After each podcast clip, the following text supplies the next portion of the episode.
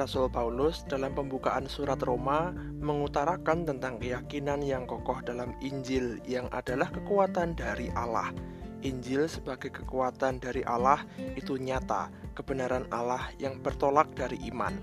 Sehingga di dalam iman itu, umat Allah hidup dalam kebenaran Allah serta beroleh kekuatan karena Injil.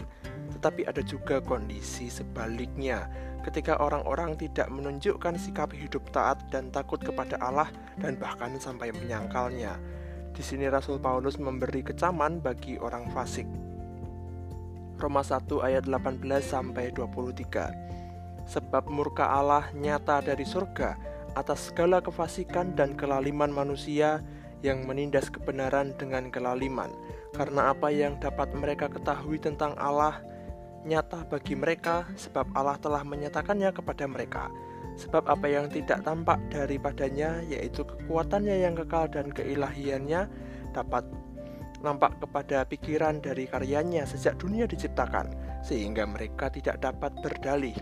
Sebab sekalipun mereka mengenal Allah, mereka tidak memuliakan Dia sebagai Allah atau mengucap syukur kepadanya. Sebaliknya pikiran mereka menjadi sia-sia dan hati mereka yang bodoh menjadi gelap. Mereka berbuat seolah-olah mereka penuh hikmat, tetapi mereka telah menjadi bodoh. Mereka menggantikan kemuliaan Allah yang tidak fana dengan gambaran yang mirip dengan manusia yang fana, burung-burung, binatang-binatang yang berkaki empat, atau binatang-binatang yang menjalar. Perihal kecaman terhadap kefasikan, umum kita temukan dalam banyak bagian untuk perjanjian lama. Dalam perjanjian baru kita temukan dalam bagian di awalan surat Roma dari Rasul Paulus ini. Kecaman ini segera dibuka dengan ketegasan bahwa Allah murka terhadap segala kefasikan dan kelaliman manusia. Kefasikan dan kelaliman menunjukkan bahwa yang bersangkutan hidup tidak takut dan tidak taat kepada Allah dan kehendaknya. Orang itu tidak peduli dan bahkan menyangkal terhadap Allah dan karya kehendaknya. Murka Allah nyata pada orang fasik dan lalim karena sesungguhnya Allah sejak semula, yakni sejak penciptaan, Allah telah menampakkan kuasa keilahiannya yang kekal. Kekuatan dan kemuliaan Allah telah dinyatakan kepada manusia dan telah diwartakan kepada banyak orang. Tetapi rupanya orang fasik dan lalim mengabaikan segala pernyataan Allah dan pewartaan tentang karyanya.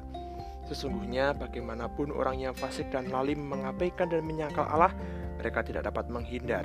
Mereka mungkin menyatakan atau menunjukkan kesalehan, padahal hanya penampilan dan menunjukkan kemunafikan. Mereka sesungguhnya tidak memuliakan Allah dan tidak bersyukur. Oleh karena itu, bagi Rasul Paulus, orang yang fasik dan lalim, pikirannya jadi sia-sia karena hidup tanpa hikmat dan dianggap bodoh. Kesalahan orang fasik dan lalim ialah menggantikan hal yang paling berharga dalam hidupnya, yakni kemuliaan dan karya Allah di dalam hidupnya dengan hal-hal duniawi yang fana. Penggantian ini wujudnya ialah manusia yang mengejar hal duniawi yang lebih dianggap berharga dan penting atas kepentingan rohani yang melibatkan kesetiaan kepada Allah dan kehendaknya. Orang-orang menjadi sesungguhnya terfokus pada berhala di dalam hidupnya. Oleh karena itu, hal ini menjadi peringatan agar setiap orang, khususnya kita orang-orang percaya, agar dapat menempatkan Allah dan karya kehendaknya sebagai yang berharga dan mulia di dalam hidup kita. Kita wujudkan dengan hidup saleh dan setia dalam pengharapan mengandalkan Allah dan syukur kepadanya. thank you